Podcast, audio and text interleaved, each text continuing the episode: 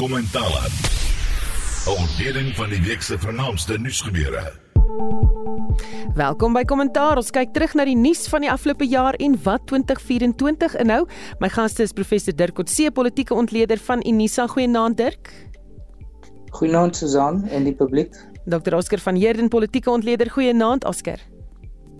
Goeienaand Susan en goeienaand aan die luisteraars. En historikus Dr. Lindie Koorts van die Universiteit van die Vrystaat. Goeienaand Lindie. Goeienaand Susan. My klankregisseur is Daitrin Godfrey. My naam Susan Paxton.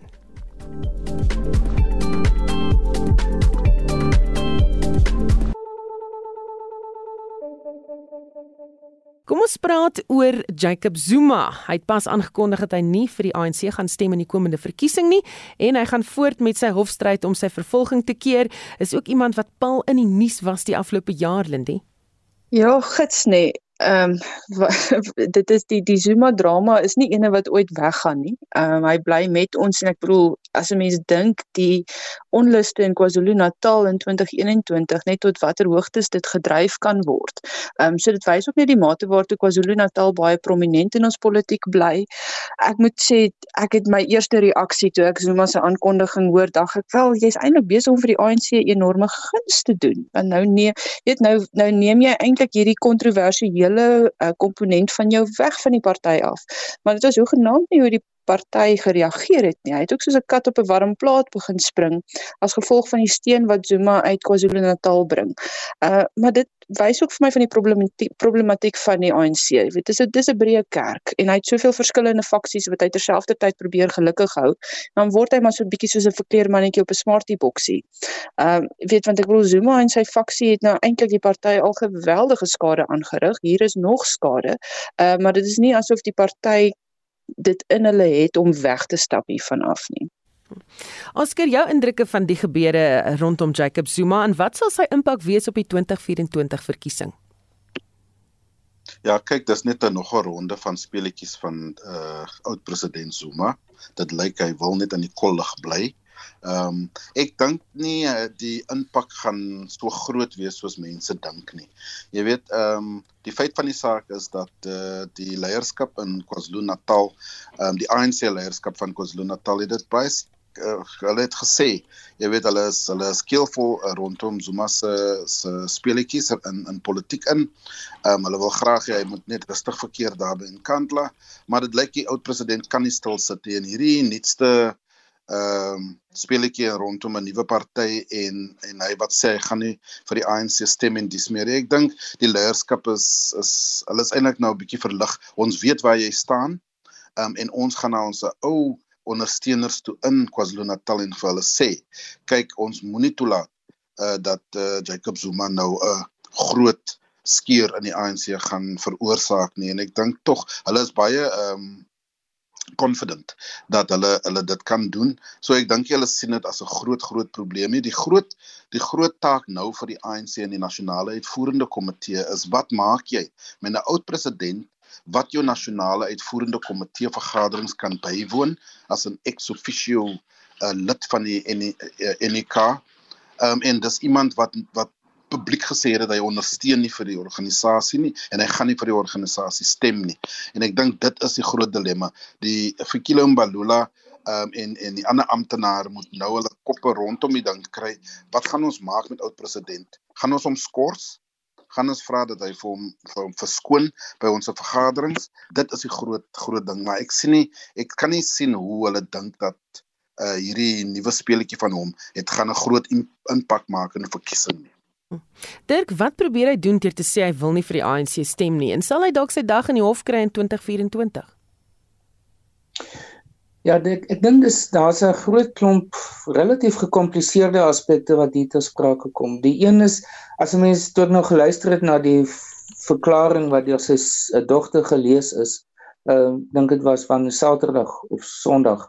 Ehm um, was dat ehm um, hy sê dat hy hy hy maak eintlik 'n aanklag teen president Ramaphosa um, en sy leierskap van die ANC. En hy sê dat die ANC van vandag is nie meer die werklike ANC nie. Um en dat hy wil deur hierdie beskuif van hom na om kontribusies wet toe wil hy eintlik die regte ANC weer op sy voete kry. Um en dis hoekom hy praat van dat hy nie van die ANC bedank nie. Maar wat hy eintlik doen is hy bedank van die huidige ANC of hy beweeg weg van die huidige ANC, die Ramaphosa ANC as mense nou so kan noem, na 'n denkbeeldige ANC van vroeër jare. En dis hoekom hy om kontroversies weer heraktiveer. Onthou die idee van die om kontroversies weer Veterans League was sy idee. Dit het nie vroeër jare bestaan nie. Uh daar was nie 'n veterane groepering van van MK gewees nie. So uh, Zuma probeer in 'n groot mate in as 'n mens ook luister na wat hy gesing het in die verlede. Dit is alles MK um liedere wat hy gesing het om die die gewapende stryd uh die omkonte besiswe geskiedenis probeer hy aktiveer of heraktiveer as 'n simbool van waar hy staan. Hy stel hom ook self voor as die hoof van aan die ANC se intelligensie wat nooit die geval was nie. Hy was die hoof van hulle interne sekuriteit. Intelligensie was Jones Landlag geweest. So dit dit is voorstellings wat hy maak oor die ANC en hoe om homself te assosieer en eintlik die verpersoonliking van die ANC te word van die wat hy wil hê. So waar ons nou staan is is die skeiingspunt waar hy dit nou tot sy ekstreem gedryf het. Um is amper iets soortgelyks aan die vorming van Cope waar dit gegaan het oor wie beheer die simbole van die ANC. Congress of the People van van 1955 en die Freedom Charter is alles absoluut kardinale kernsimbole van die ANC. Om kontroversies wees dieselfde. So ek dink dit dit is wat ons nou sien wat gaan gebeur. Die groot vraag is hoeveel mense gaan inkoop in hierdie skuif? Hoeveel mense voel presies dieselfde? Ek dink daar is sommige mense van wat in exile was in die buiteland of van hulle kinders wat miskien dieselfde voel. Daar sommige mense in KwaZulu-Natal wat voel dat KwaZulu-Natal as provinsie van die ANC het oor tyd gemarginaliseer geword. So mense dink byvoorbeeld op die oomblik van die top 7 van die ANC, sowel as in die vorige termyn was daar niemand van KwaZulu-Natal gewees nie. En dit alles dink ek het bygedra tot hierdie gevoel van na president Zuma word ons nou eintlik uh beskuldig en ons word beswaarder as gevolg van staatskaping en alles wat daarmee saamgaan en ons moet die skuld daarvoor dra en Ramaphosa loop weg. President Ramaphosa skep hom skep eintlik 'n afstand tussen hom en en die Zuma bedeling. So ek dink alles hierdie goed het bymekaar gekom um in wat nou die aankondiging van president Zuma is. Maar die blote feit dat hy gesê het hy gaan stem vir 'n kontroversies party beteken dat hy dui hy fakte homself gedistansieer het van die ANC. Tens al het hy nie bedank nie. En ek dink die rede hoekom hy nie bedank het nie is eerstens omdat hy sê hy is die werklike ANC, die die regte ANC. En tweedens wil hy nie dieselfde druk hê as wat Musu um, Mavuso Msimang nou baie onlangs ook gehad het nie en die kritiek wat daar teen hom uitgespreek is. So dis alles 'n hele pakket dink ek wat hier te sprake is. Ook 'n storie wat ons gaan eh, dophou en aanhoudend volg in die komende jaar. Nog iets waaroor daar steeds gepraat word is die parlement en die brand. Miskien Oscar, wil jy daar uh, nog iets net, sê? Net Ja, net 'n klein punt wat ek ook tog wil maak is, jy weet mense sê hy het hierdie groot ondersteuning in KwaZulu-Natal, maar ons moet onthou, uh, een van die redes hoekom Zuma so populêr is in KwaZulu-Natal is die feit dat hy stamwese politiek inbring in die ANC in iets wat die ANC geheel en al totaal gekant is teen. En die rede hoekom hy daai ondersteuning gehad het, is omdat daar was 'n swak EFF in KwaZulu-Natal. Ehm um, en al daai mense, daar was 'n hele aan honderde der duisende van hulle wat die die ANC uh wat lede geword het van die ANC. En dit, dit was jy weet hoe ons die 2012 konferensie gehad het in Mangaung. Ehm um, die tipe die tipe liedjies wat hulle gesing het, was dit was so ek was heeltemal seker dat daar's definitief 'n 'n EFP komponent wat ingekom het in die ANC in gegeewe Jacob Zuma se stamwese politieke. Nou dat die EFF bietjie sterker is en hulle hulle self weer ge eh, hervorm het en hulle gaan nou in die politiek inkom. Al daai ondersteuning is weg nou en terug na die EFF toe. So ek dink mense maak 'n groot saak oor hierdie ondersteuning wat Zuma het in KwaZulu-Natal. Ehm um, en ek dink dit is meer die geval nie. Hmm, baie interessante storie wat ons sal dophou. Goed, kom ons praat oor die parlement, die brand, die hofsaake, die ontwrigting, die parlementsgebou steeds nie herstel nadat dit afgebrand het vroeër nie. Wie verantwoordelik was is ook steeds 'n oop vraag. Lindi, jou indrukke van die storie? Ja, dit is my uiters kommerwekkend. Uh natuurlik uh, historikus, die een van die eerste goed wat my geweldig bekommerd het is uh, bekommer het was ook die institu institusionele geheue wat daarmee verlore gaan. Ek bedoel daar was weer eens ons het so 'n probleem met deursigtigheid. Ehm uh, weet ons het ons het 'n land en 'n regering wat homself daarop roem. Maar goeie genade, mens moet alles uit hierdie regering uittrek en die hoeveelheid geheimhouding. So wat het werklik gebeur met die ehm um, dokumentasie wat daar geberg word en die argiewe wat daar geberg word en die biblioteek wat daar geberg word niemand kon werklik sê nie want alles is geslote dan is dit nie duidelik wanneer die herstelproses plaasvind nie. Ehm um, iemand het aan my genoem en ek het nogal gewonder daaroor tot watter mate pas dit die regering dat die parlement so ontwrig is. Ek bedoel die parlement is in die afgelope jare eintlik maar 'n um, rubberstempel. Uh maar om om die regering verantwoordbaar te hou is nie iets wat hy baie sterk doen nie maar is iets wat hy nog minder doen wanneer hy ontwrig is. Die feit dat dit so sloer voel laat dit vir my voel dat hierdie nie werklik so 'n prioriteit is nie en dit is iets wat ek geweldig kommerwekkend vind uh, in terme van die instelling maar dan ook in terme van die rol wat hy veronderstel is om te speel. Goed, Dirk, hoe lank kan ons sonder 'n parlement? Nee, ek dink nie ons moet dit sê nie. dit sal 'n bietjie oneerlik wees teenoor die parlement. Ehm um, die parlement funksioneer. Parlementsgebou. Um, hulle kom by ja. Uh, hulle uh, hulle uh, funksioneer en as hulle moet by mekaar kom, is hulle nou in die Ka Kaapstad se stad stadsaal. Ehm um, en dan kan ons hulle nog die hele tyd dop hou op televisie. Ehm um, so die die die virtuele komponent van die van die parlement het sedert die uh pandemie het het voortgegaan en dit het 'n basis gelê wat nog steeds gebruik word. Glad nie ideaal nie, dit moet ek onmiddellik sê. Ehm um, en ek dink baie veral oppositiepartye gaan sê dit maak dit vir hulle moeiliker om hulle rol te kan speel. Maar ek dink nie daar is 'n daar is 'n institusionele of ehm um, 'n statutêre uh vakuum of 'n konstitusionele vakuum wat bestaan op die oomblik nie. Die die parlement kan sy funksies vervul. Dit dit uh, is definitief besig om plaas te vind. Die berigte wat ek sien is is dat in die media is dat die uh dit veronderstel is om afgehandel te wees teen November 2025. So dis nog 2 jaar van nou af. Um en soos ek verstaan het die beplanningsfase is afgehandel. Wat interessant is is dat die parlement soos wat hy was voordat dit voor die brand was nie werklik ontwerp vir 'n vir 'n nasionale vergadering van 400 lede nie. Daar was nie genoeg kantore nie, daar was nie genoeg infrastruktuur nie.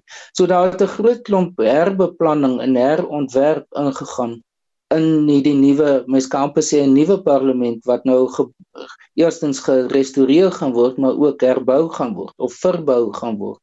So daar dit het in die geleentheid nou geskep om 'n meer funksionele parlement tot stand te bring uiteindelik. Um Ek dink wat wat uh, die parlement par, parlementslede sal onmiddellik sê dit was met 'n hoë mate van ongerief wat dit nou die afgelope jare die geval was. Um, en ek dink die die een ding wat vir my steeds 'n uh, baie groot onseker element bly is die feit dat die die persoon wat op die interne kringtelevisie geïdentifiseer is as die persoon verantwoordelik vir dit alles uh, dat ons eintlik omtrent niks van hom weet nie. En tweedens laat hy nou deur die hof verklaar is as 'n pasiënt van die staat. Dat hy nie verhoor gaan word nie en of laat hy nie geestelik in staat is om verhoor te kan word nie. Wat in 'n groot dit klink amper soos die Stefende situasie van die 1960s of toe hy uh, dokter Verwoerd vermoor het. Dat daardie onsekere elemente en weer eens gaan dit oor die parlement wat nogal heel toevallig is ehm um, dat dit uh, vir baie lank gaan dit 'n onseker faktor wees of hierdie persoon of dit polities gedrewe was of dit net in en waar die sekuriteit in die parlement was. Uh hoekom dit in in die eerste instansie enigstens moontlik was om te kon plaasvind. So dit dit is antwoorde wat ons nie het nie. Uh ten spyte van die prosesse wat plaasgevind het en wat hopelik op een of ander stadium meer duidelik gaan word. Oscar, jou indrukke van hierdie storie? Ja, Susan, ek dink dit is tragies.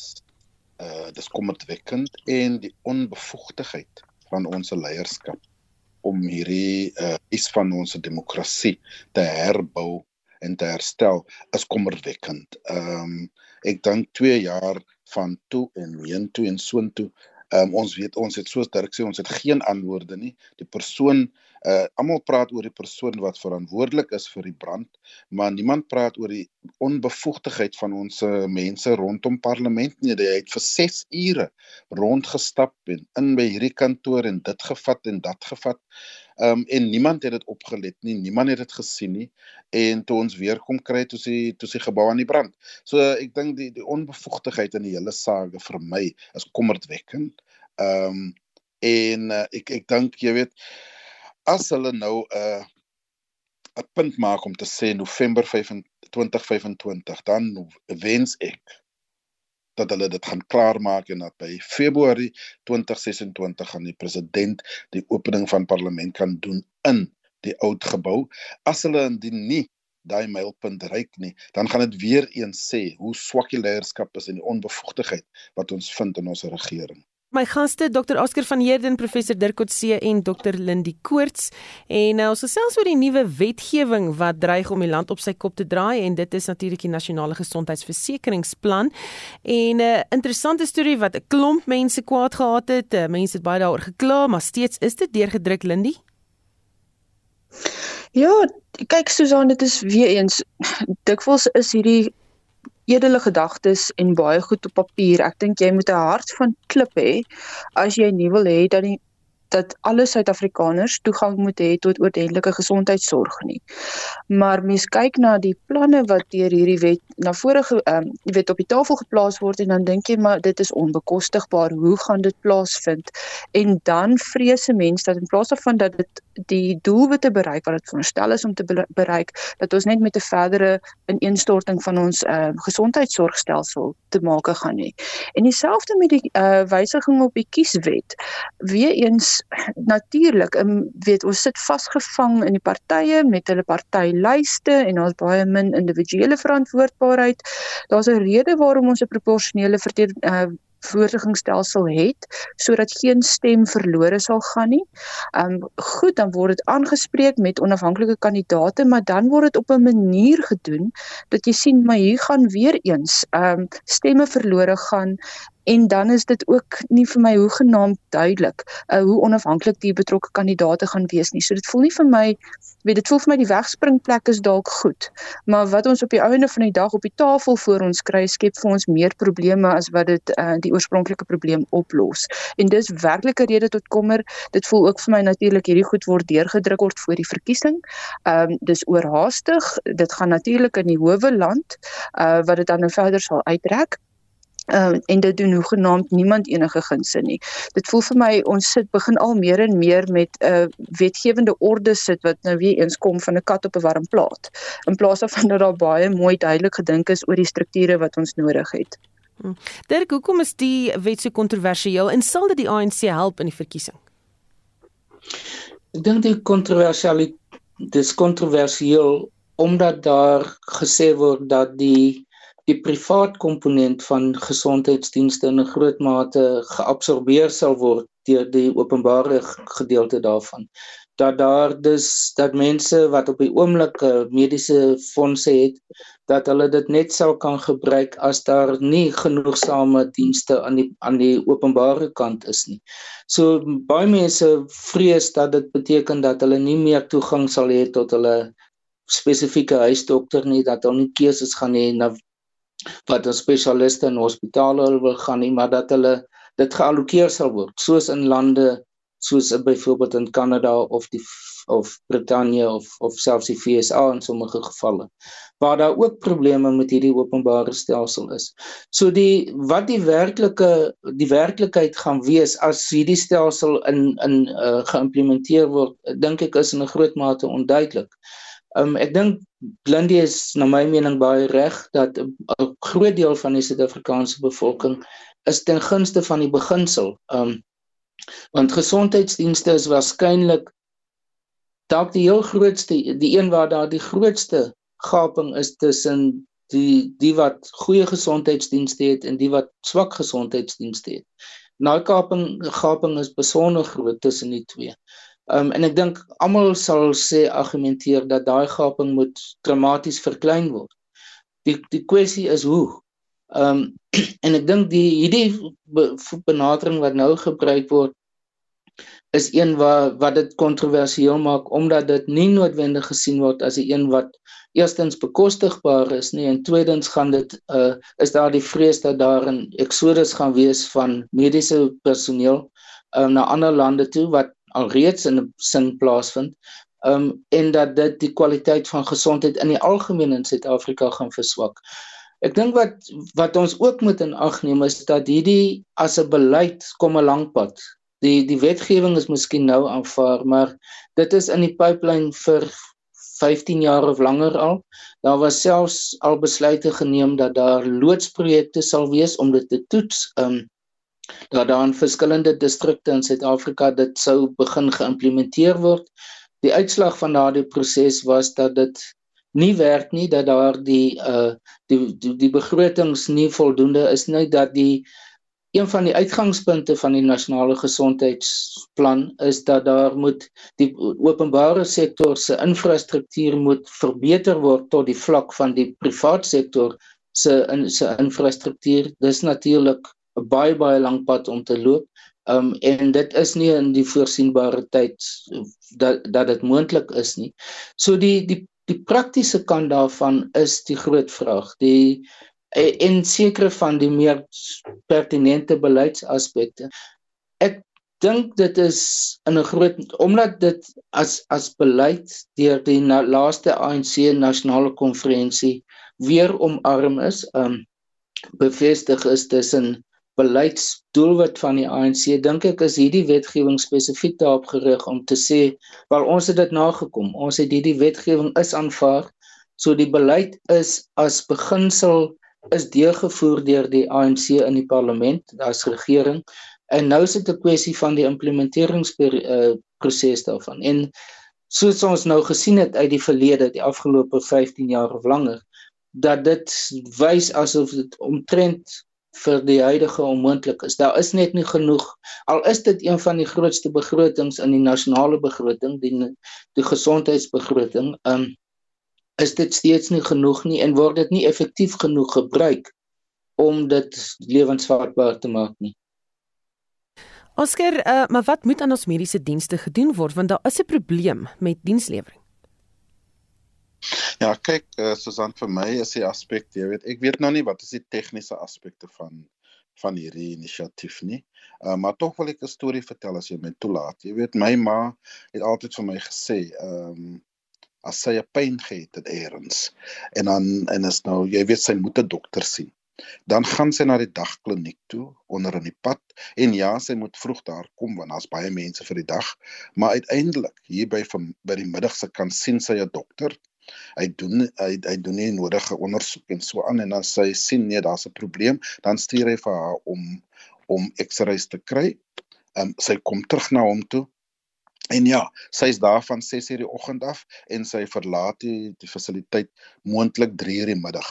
Maar hulle weet nou wat is die probleem. Hulle het vir haar medikasie gegee en soms as dit 'n groot probleem is, dan het haar vir hulle vir haar vorm gegee, 'n geel vorm wat sê jy moet na die provinsiale hospitaal toe gaan Tygerberg en jy moet hierdie dokter gaan sien op die 10de vloer en want hy's 'n spesialis, 'n spesialis. En dan soms doen sy dit. Nou die die die die storie, hoekom ek hierdie storie vertel? en dit het al talle kere gebeur al is in daai hele storie het sy nie 1 rand gespandeer nie. Ehm um, sy het sy het ondersoek gekry, sy het uh, behandeling gekry, sy het die nodige medikasie gekry en sy was huis toe gestuur en sy het nie 'n rand betaal vir dit nie. So met ander woorde op gesondheid in Suid-Afrika was maar altyd verniet. Hm. Ongeag wat mense sê, ons mense kan dit nie bekostig nie. Hulle het dit nooit hulle het nooit betaal daarvoor nie, maar hulle kry die nodige hulp. Ehm um, en dit is in in in insluitende as hulle nou 'n hip moet verplaas of dit en dat. Dit word gedoen. So ek die vraag dan is hoekom het ons die NHI nodig? As dit die geval is. En to, in to, in terme van jou vraag, wat ons moet doen is om beter beheer uh, bestuur te hê van ons openbare uh, gesondheids um, beter bestuur van ons hospitale en die hulpbronne nodig het om die regte masjiene en dinge te te koop. Ek ek stem saam met Dirk. Ons moet dit op dieselfde vlak hê ehm um, soos die privaat sektor. Ek ek weet net nie wat is die die denke agter die inisiatief nie. En dan my groot probleem met dit is en ek dink Dirk het dit genoem, is die feit dat die die houding is kyk ons weet nie presies hoe dit prakties gaan uitspeel nie, maar kom ons implementeer dit en ons sal ons sal regmaak soos ons gaan. En ek dink dis 'n baie baie swak uh, strategie. Ehm um, en dit los baie mense uh, in die, in die donkerte, veral mense in die middelklas wat groot geld betaal vir private gesondheid en hulle weet net nie wat gaan gebeur nie en ek dink tog ek sal wel aanvra dat mense soos Discovery, mense soos uh um, die ander private mediese fondse, hulle miskien uh vir ons kan verduidelik in in soort van asof asof ons 2 jaar oud is. Net om ons te sê wat presies gaan gebeur as hierdie inisiatief uh, definitief ingeïmplementeer moet word. Hmm. Hier is nie die enigste wetgewing wat vinnig deurgedruk is, baie vinnig nie. Jy weet enige wetgewing wat jou pla, Lindy, anders is hierdie ene van die nasionale gesondheidsversekering. Wel, kyk, ons het nou gepraat oor die kieswet en dan natuurlik is die Bella wet ook nou baie vinnig deurgedruk. En uh, dieselfde eintlik as nasionale gesondheidsversekering. Daar is vir my soveel edele komponente en goeie komponente aan hierdie wet, maar dan is daar problematiese aspekte en dan is dit nou so so dan word hierdie probleme en die goeie inisiatiewe saamgebondel en baie gou deurgedruk. Ehm um, weet selfs al is daar dan nou kommer uh, weet natuurlik nou nou oor skole se beheerliggaam liggame. En dit is ook 'n wet wat nou in die howe 10101 sal gaan draai. Ehm um, en die twee wette, ek dink nasionale gesondheidsversekering en Bella het vir my al twee twee dinge in gemeen. Dit gaan oor 'n herverspreiding van hulpbronne. Dit gaan daaroor dat die staatssektor ehm um, weet daar is net eenvoudig nooit genoeg geld nie. Ehm um, ek weet vir verskeie redes as gevolg van ons ekonomie ekonomie wat swaar kry, ons bevolking wat groei die wan die wanbesteding van fondse ek weet dit is 'n dis 'n sweterjoel probleme en dan terselfdertyd is daar hulpbronne wat in 'n pool sit in die privaat sektor en dit gaan daaroor om hierdie privaat hulpbronne te herversprei. Ehm um, weer eens, jy moet 'n hart van klip hê as jy nie wil hê elke kind in hierdie land moet oordentlike onderrig kry nie. Maar nou sien jy hier's 'n tendens na sentralisering. Ehm um, en ja, bring vir ons nuwe problematiek. So ek dink hierdie wette 10 teen 1 gaan almal in die in die howe draai. Discovery het nou gesê hulle is nie van plan om die nasionale gesondheidsversekeringswet uh, uh daaroor hof toe te gaan nie, maar kom ons kyk of daar ander partye is wat dit gaan doen. Hm. Dirk enige wetgewing wat jou pla? Ja, ek dink die die Bella wet is is iets wat nou baie prominent geword het. Ehm um, dit raak skole in in wese in in hulle mees essensiële wese. Ek dink die idee van van onderwys is besig om deur 'n onbeplande transformasieproses te gaan. Ehm um, die private sektor is besig om baie meer prominent te word daarin. Ehm um, selfs nou op universiteitsvlak, daar is nou verskillende instellings wat op tersiêre vlak wat wat in in die privaat sektor wat begin te sprake kom. Baie kinders, dis nie meer 'n wit swart issue nie. Dis nie meer dat dit is vir wit kinders of wit studente versus swart kinders en swart studente nie. Daardie oorvleueling is besig om baie vinnig plaas te vind. En dit is 'n 'n totaal nuwe ehm um, ek ek wil sam amper sê herstrukturering wat besig is om plaas te vind en die regering is is is nie daarbey betrokke nie.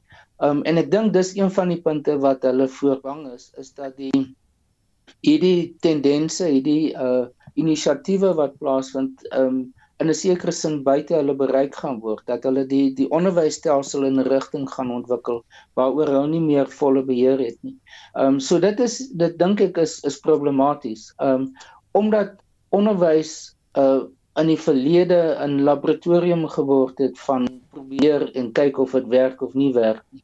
En ons het 'n groot prys daarvoor betaal. Die sogenaamde outcomes based uitkomsgebaseerde onderwys was 'n groot prys wat ons betaal het vir 'n geslag of meer van kinders wat wat nie noodwendig die tipe onderrig gekry het wat hulle veronderstel was om te kry nie of nie in staat was om daardie onderrig um tot sy volle potensiaal te kon gebruik nie.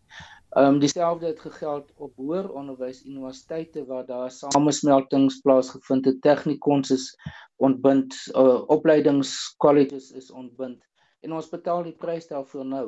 Ehm um, so ek dink dit is mens moet ons moet ekstra versigtig wees as dit kom by onderwys om in op om 'n um, visionêre nuwe tipe van bedeling te implementeer as die daar genoeg rede is vir die bestaande een om te kan werk so solank as wat daar net beter bestuur daarvan is. So die ek dink nie die on, ons moet toelaat dat die onderwys in um, 'n speelbal word van politieke denke en politieke groeperings nie. Dit is alreeds genoeg gekompliseer. Oscar, wetgewing wat uh, jou pla? Ehm um, ek sê ek stem saam met Dirk uh op rondom daai punt uh in terme van opvoedkunde. Ehm uh, maar tog wil ek sê, jy weet vir my die die belangrike ding is ek dink dit is die wetgewing wat nog in die toekoms aangepak moet word en ek dink dis die groot probleem. Jy weet vir my dit blyk vir my Susan dat uh uit die afgelope 30 jaar, 29 30 jaar volgende jaar gee vir ons 'n uh 'n periode om net 'n uh, 'n bietjie agtertoe te staan en sê kyk, dis nou al 3 dekades. Ons het sekere wetgewing in plek gesit want ons op daai stadium het ons gedink as die regte ding om te doen in terme van plaaslike regerings ehm um, en die magte wat ons van aan aan munisipaliteite gee. Ehm um, die uh, openbare beskermer alles moet op die tafel gesit word en sê waar kan ons nou in retrospek sien dat ons foute gemaak het, dat ons dinge moet verander. Ehm um, en as dit beteken ons moet ook die konstitusie aanbespiegel om seker te maak dat ons dinge 'n bietjie vasser maak of losser maak of so aan, dan moet ons dit doen en ek dink daai gaan 'n goeie benadering wees in terme van wetgewing toekoms in die toekoms in. Transnet het ook uh, veral aan die einde van die jaar ook die nuus gehaal, ook korrupsie daar, ook groot probleme daar en dit het 'n invloed op wat in die land gebeur met produkte wat verskaf word, produkte wat uitgevoer kan word. Um Lindy, hoe groot 'n probleem is Transnet vir ons? Ja, dit is enorm en ek dink nie dit is hierdie ons het soveel aandag aan Eskom gegee vir soveel jare en nou begin ons besef wat hier by Transnet aan die gebeur is. Eintlik besef ons dit al baie lank. Enige padgebruiker wat agter vragmotors vassit omdat ons weet goedere met pad met die pad vervoer word in plaas van die spoorweë, weet dit eintlik al baie lank. Maar nou veral by die hawens raak dit 'n oponthou. Stap nou by 'n apteek in en die apteker gaan vir jou sê hoeveel van hulle medikasie kan hulle nie op die oomblik verskaf nie omdat dit by die hawens vassit. En dit is wesenlike probleme waarmee ons sit. Ehm um, en dit jy weet dit het 'n impak op die groter ekonomie ekonomie. En dit is nie net Transnet nie. Ek wil nou sê soos wat ons nou praat oor Transnet, ons praat oor Eskom, dan begin ek te dink maar goed, ons moet nou nog meer gesprekke begin hê oor water. Dit begin ook nou na vore te kom en die hoeveelheid rioolwerke, ehm um, weet en suiweringswerke wat ineenstort en oneweredige watervoorsiening wat 'n probleem is. Selfs al is 'n dam vol, is die water uh, toevoer 'n probleem. Ehm um, so ons algehele infrastruktuur ehm um, weet is uiters uiters kommerwekkend en dit ja ja, dit poetjie ons ekonomiese groei, maar dit poetjie ook mense se welstand. Hm. Dirk, wat is jou indrukke van Transnet en hoe die instansie so stil stil agteruit gegaan het? Ja, Transnet is definitief 'n 'n baie belangrike faktor wat in terme van die probleme van van die openbare diens, uh, openbare sektor, die uh, staatsondernemings. Ehm um, dis ek meen ons weet as 'n mens teruggaan na net die sondekommissie, daar's 'n hele hoofstuk, as 'n groot gedeelte uh wat oor Transnet handel. Uh en die probleme wat in daardie tye reeds ontstaan het oor Transnet, die persone wat in in sleutelposisies daar was, ehm um, en hoe dit misbruik is toe. So dit is die die probleem daarvan die die huidige probleme van Transnet dink ek kan ons terugneem na na 'n periode vir heelwat vroeër as as nou. Ehm um, in die ek dink Transnet as gevolg van die feit dat dit die 'n die ruggraat van die vervoer uh, padvervoer of ehm um, grootmaat vervoer of dit nou minerale is en of dit groot ander forme van logistiek is wat vervoer moet word. Ehm um, is Transnet primêr die een wat dit veronderstel is om te doen wat ons soos Lindy nou gesê het wat ons nou sien is is vragmotors reg oor die land uh, wat dit in wat daardie vakuum probeer vul. Um boonbehalwe die die in die die druk wat dit op die infrastruktuur plaas dink ek is is een van die probleme wat wat dit gaan skep vorentoe. Ek gaan wees is as die as die spoorweë weer op hulle bene is, gaan die vragmotorbedryf dit as 'n bedreiging vir hulle sien. So ek is bang dat daar 'n mate van van kom uh, ongesonde kompetisie gaan ontwikkel. Um waar die vragmotors die die spoorlyne gaan saboteer bloot um, om hulle kompetisie te verminder soos wat ons gesien het in die taxi bedryf soos wat ons on, op verskillende ander punte ook gesien het waar daar twee kompeterende elemente ehm um, uiteindelik lei tot tot optrede wat totaal onaanvaarbaar is. Ehm um, wat ek dink as 'n mens kyk na Transnet, dit is 'n dit bestaan uit 'n groot klomp verskillende elemente. Dit is spo, uh, spoornet, dit is portnet, dit is Transnet self. Um en dan saam daarmee ook is wat ons sien is treine byvoorbeeld op uh, op plaaslike vlak, die metro rail treine. Um en ek dink daar, hoewel dit nie direk deel is van Transnet nie, is daar besig om vordering plaas te vind uh, veral in Gauteng. Ek ken nie al die ander dele van die land so goed nie, maar die spoorlyne tussen Johannesburg en en Soweto is weer aan die gang. Die spoorlyne tussen Pretoria en Johannesburg en Pretoria en die verskillende groep uh, plekke rondom Pretoria is weer aan die gang. Dit loop weer. Uh die die blou trein is weer aan die gang. Uh en ander treine ook. Nog nie op die vlak wat dit voor vroeër was nie, maar dis besig sekuriteit deur deur uh, uh, Prasa is baie opgegradeer. So die infrastruktuur word nou weer beskerm. Um so vir my is dit die die die die nuwe lig wat skyn en die potensiaal wat daar is, maar vir vrag op sigself. Dis nog die die groot kopseer. Um en dit is iets wat nog 'n lang tyd gaan neem. Wat interessant is wel is is dat die die gesprekke wat besig is om plaas te vind oor die mens kan dit amper sê de facto privatisering of andersins die openbare privaat vennootskappe wat in die pipeline is oor hoe om hierdie spoorlyne weer aan die gang te kry. Veral as dit kom by vrag dat sekere mynmaatskappye is is baie definitief daarbey betrokke. Die motormaatskappye veral daar ehm um, wat by die motorbedryf die betrokke is vervaardiging van motors aan mekaar sit van motors vir die vervoer daarvan. So die die private sektor is definitief in die pipeline. Dis net 'n kwessie van die regering en openbare ondernemings om die ruimte daarvoor te skep. Ehm um, en ek dink dit begin nou dis van die jongste bewegings wat ek sien wat besig is om plaas te vind om te sê ons gaan dit nie op ons eie kan doen nie. Die private sektor gaan 'n belangrike vennoot in hierdie proses moet wees. Oscar, ehm um, moet moes ons dalk wakkerder gewees het en 'n beter oog gehou het oor Transnet want die instansie speel 'n groot rol in die ekonomie.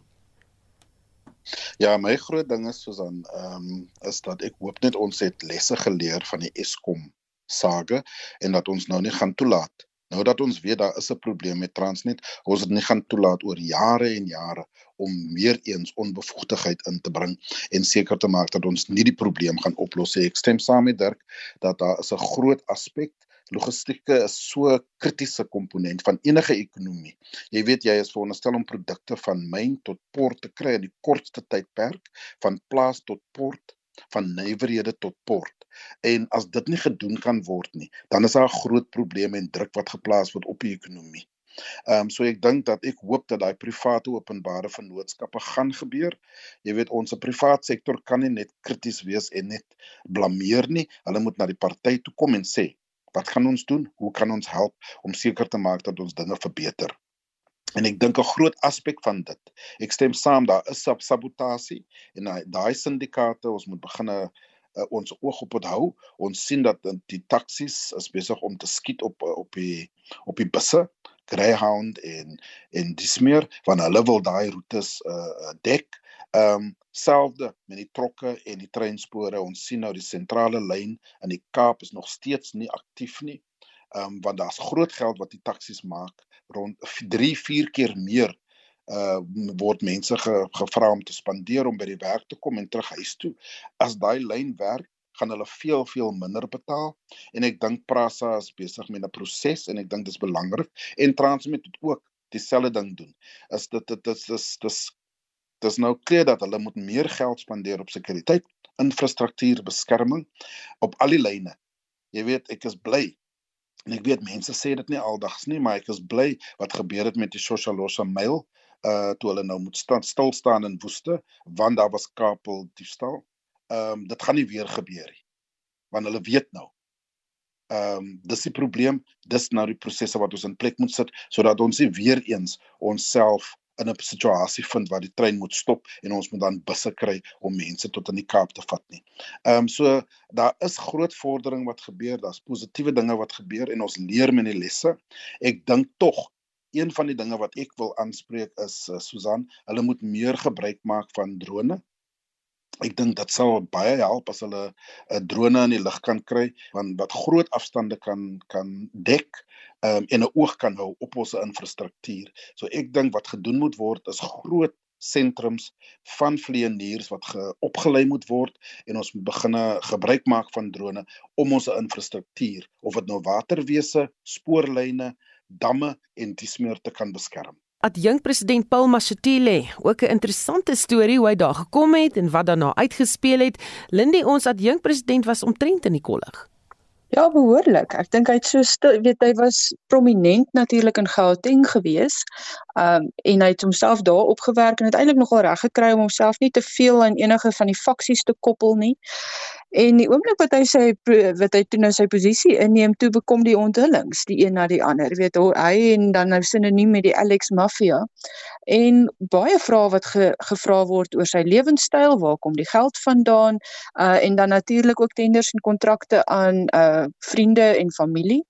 So nou sit ons met 'n ek wil byna sê is dit nou David Mabuza 2.0 waarmee ons hier te maak het.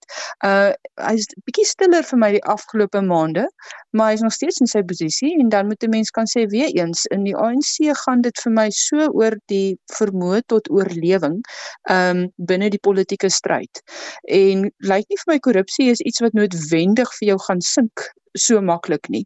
Uh jou oorlewingsvermoë kan nog steeds dit te bowe kom. Ehm um, so ek dink Mashatile is iets om dop te hou in die komende tyd uh en natuurlik ook met kommer. Dirk, hy was ons volgende leier van die land, is hy 'n goeie kandidaat? Ek dink die feit dat ons moontlik gaan met koalisies in die toekoms gaan werk, gaan die hele siening van opvolging en van wie neem oor by wie as president ehm uh, gaan ook waarskynlik in tersprake kom.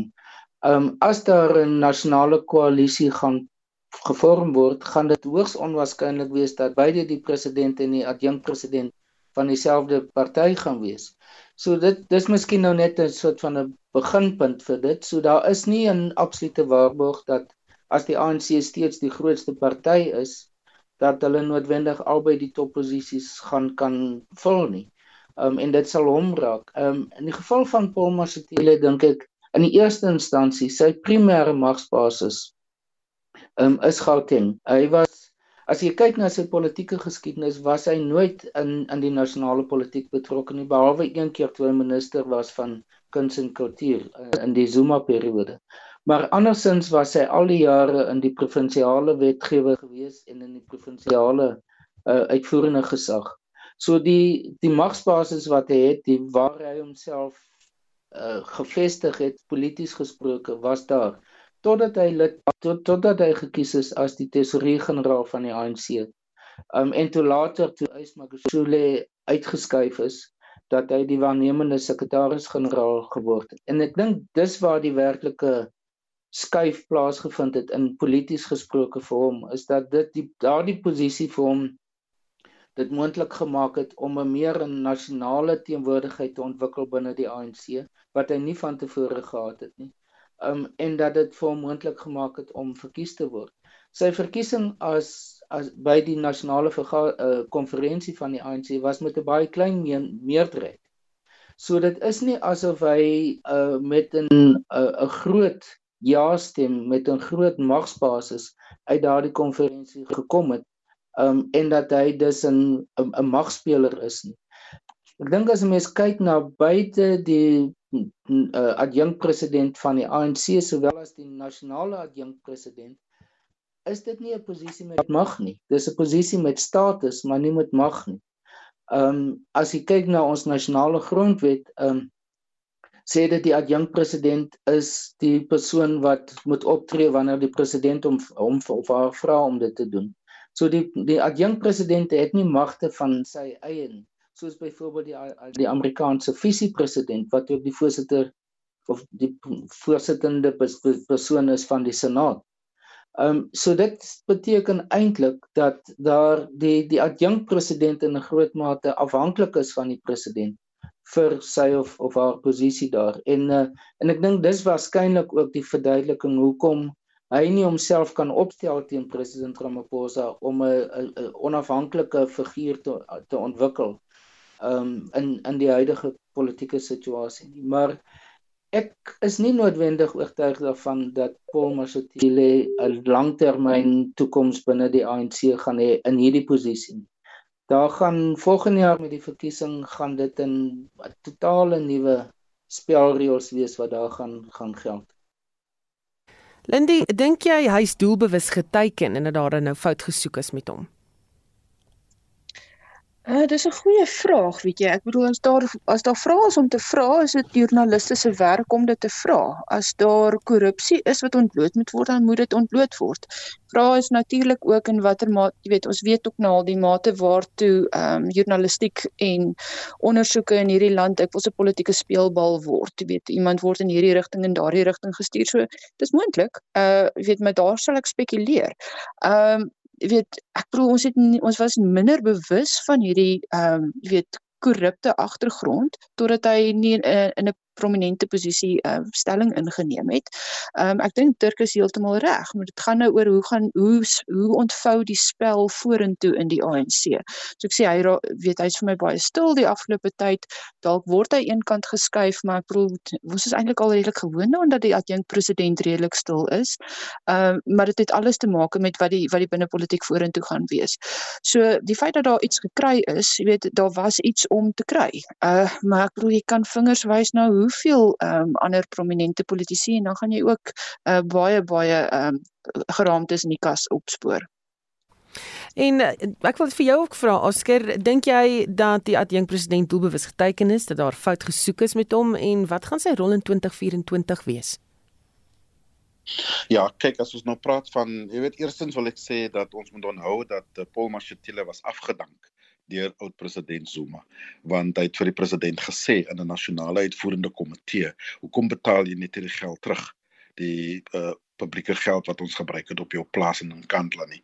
En vir dit het hy nou gesneuwel in die kabinet. So ek dink dis baie belangrik. Die tweede punt wat ek wil maak is Dirk is reg hy het uh, sy wen by die konferensie was 'n ongeluk. Dit was die rede was omdat uh, Lamola en Oscar Mabuyane nou nie soort van wil gekom uh kompromie aangegaan het nie in terme van wie uh visiepresident moet word nie en so dit was nie 'n strategiese wen on jy weet on ongeag die, die feit dat Didi Mabuza was 'n beplande strategiese wen. Uh dis nie die geval met Paul Mashatile nie. En vir hierdie rede sal hy naby en en moet hou by die president stil bly doen die take wat die president vir jou gee. Sê ek is seker sy mense is besig om te werk op die grond om seker te maak dat kom die volgende konferensie dat hy definitief kan wen as die president van die ANC. Ehm um, maar ek dink tog ook indien uh, president Ramaphosa nie wil hê Paul Mashatile moet hom opvolg nie, dan sal hy hy sal nie noodwendig vir Paul nie die adjunk president posisie gee na vir, na volgende jaar nie, hy sal dit nog steeds doen maar hy sal sy kandidaat 'n prominente rol gee in die kabinet. Ehm um, sodat wanneer dit kom by die konferensie kan daai persoon ehm um, natuurlik 'n omstredigheid wees in 'n in 'n probleem wees vir Paul Mashatile. So ek dink dis dis wat gaan gebeur vorentoe. Ehm um, jy weet die die die die die ander punt wat ek wil maak Susan is dat Paul Mashatile uh is soos Ramaphosa as een van die mense wat kom in die binneland in in terme van hulle was nie in exile nie. Hulle is van die uh, eh, UDF. So dit is 'n different tipe van karakters. Ehm um, en hy het 'n baie ryk geskiedenis in in Gauteng en hy het natuurlik daar's mense is besig om stadig maar seker te sê ek miskien as daar 'n uh, ruimte om ondersteuning te gee vir Paul Mashatile om die leier te word van die party in die toekoms. Uh maar hy kompetisie van Fikile Mbalula wat ook dink hy is die volgende president van die ANC en natuurlik is daar mense soos Lamola uh en anders wat glo dat die jonger span moet inkom. So hy het 'n uitgemaakte taak om te veg om daai posisie te kan hou. Nou wat was 'n jaar sonder al die internasionale nuus? Dit was baie besig aan die internasionale front. Uh, ons begin by die Oekraïne oorlog. Uh, Dirk, jou indrukke van daai oorlog en waar ons nou trek? Ja, ek dink dis een van die groot onduidelikhede van wat is die toekoms van hierdie oorlog. Ehm um, en dit dit sien ons nou byvoorbeeld in die Amerikaanse is uh, uh, huis van verteenwoordigers. Dit sien ons in die dit begin deel word van die Amerikaanse uh, verkiesingspolitiek ook. Dit word deel van die Europese situasie. Ehm um, en daar's meer en meer druk op president Zelensky om te begin dink aan die idee van dat daar 'n dialoog moet ontwikkel. Uh om oor want wat ons nou gesien het is dat die afgelope somer in die noordelike halfrond was die periode wat mense geglo het dat die Oekraïne se weermag die Russe sal kan terugdruk. Dit het eintlik nie regtig gebeur nie. Um so wat wat waarna dit op pad is lyk as is dat dit 'n dweepunt uh besig is om te ontwikkel daar dat die verskillende kante nou hulle self ingegrawe het en dat daar nie werklik meer skuwe besig is om plaas te vind nie. Um en die gevolg is is dat dit is as dit lank genoeg gaan aanduur gaan voortgaan sal dit beteken dat die volgende stap gaan wees dat daar 'n uh baie druk gaan ontwikkel vir 'n vir 'n dialoog, vir 'n skikkingsproses, vir 'n onderhandelingsproses, 'n vredesproses. Ehm um, en dan gaan die groot vraag wees wat is albei kante se se voorwaardes en wat is hulle absolute in Engels praat hulle van bottom lines. Wat wat is dit wat ononderhandelbaar vir hulle is? Uh teenoor dit wat moontlik vir hulle onderhandelbaar is. Ehm um, op hierdie stadium is albei kante praat hulle nie daaroor nie. Ehm um, want dit sal 'n teken wees van swakheid. 'n Teken dat hulle besig is om die punt te bereik dat hulle nie meer kan voortgaan met die verkies met die oorlog nie. Ehm um, terwyl dit 'n toets is vir veral vir vir Amerika. Ehm um, of hulle tot watter mate die Republikeine spesifiek bereid is om voort te gaan met die ondersteuning. In die geval van Europa dink ek was was hierdie oorlog iets wat op 'n punt gekom het kort na die pandemie ehm um, wat vir die op die langtermyn dalk vir Europa goed kan wees. Wat hulle wat dit gewys het is dat hulle militêr meer op hulle eie voete kan staan, dat hulle nie totaal afhanklik is van Amerika binne NAVO nie, ehm um, dat hulle besig is om ehm um, meer bewus te word van dat hulle is verantwoordelik vir hulle self, die feit dat lande soos Finland uh, deel geword het van NAVO nou. Swede is baie naby daaraan om lid te word van NAVO, uh, wat in die verlede amper ondenkbaar was. Ehm um, dit is belangrike skuwe wat plaasgevind het as gevolg van die oorlog. So ek dink as terselfdertyd dink ek het dit ook die die status wat Rusland het in die internasionale gemeenskap boonbehalwe die regskomponent daarvan of die moraliteit van dit maar bloot die die militêre of die magstatus van Rusland dit is in 'n groot mate dink ek geherdefinieer deur hierdie oorlog. Um en dit sal uiteindelik absoluut deurslaggewend wees om te sien wat die of die Russiese ekonomie hierdie oorlog gaan kan oorleef Dit sal ons eers sien na die oorlog, nie nou nie. Uh want op die oomblik is daar 'n 'n oorlogsekonomie wat baie aspekte van die Russiese ekonomie aan die gang hou. Um ongeag die die olie uitvoere en gas uitvoere. Um saam daarmee is daar natuurlik Europa wat besig is om homself meer onafhanklik van Rusland te maak in terme van energie. Um en dis waar ons dalk en ander Afrika lande by kan baat lande wat gas kan produseer, lande wat groen uh waterstof kan produseer. Ehm um, dat dit Europese lande is besig om na Suid-Afrika en Mosambiek en Angola en Namibië en baie ander lande te gaan om te kyk watter tipe bronne is beskikbaar vir hulle as alternatiewe. So dit het baie implikasies. Goed, dit was nie die enigste oorlog nie. Lindy, ons het gesien Israel en Gaza het aan mekaar gespring. Baie mense wat dood is, baie tragiese gebeure wat daar uitspeel. Ja, dit is hartverskeurende Susan. En dit is een van daardie gevalle waar mens kan sien hierdie was 'n bom wat gewag het om te ontplof. En toe hy ontplof, was dit ongelooflik lelik.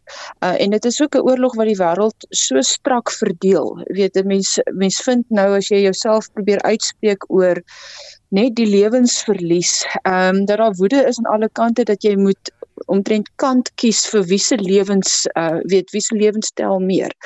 Um die probleem ook wat hier plaasgevind het is weet buiten vir die feit dat weer eens dis 'n bom wat gewag het om te ontplof as 'n mens sien die omstandighede waarin mense in Gaza vir hoe lank al verkeer het die feit dat hulle eintlik dit is weet 'n enorme kampong as 'n mens dit wil dit noem waarin hulle uh vasgekeer was.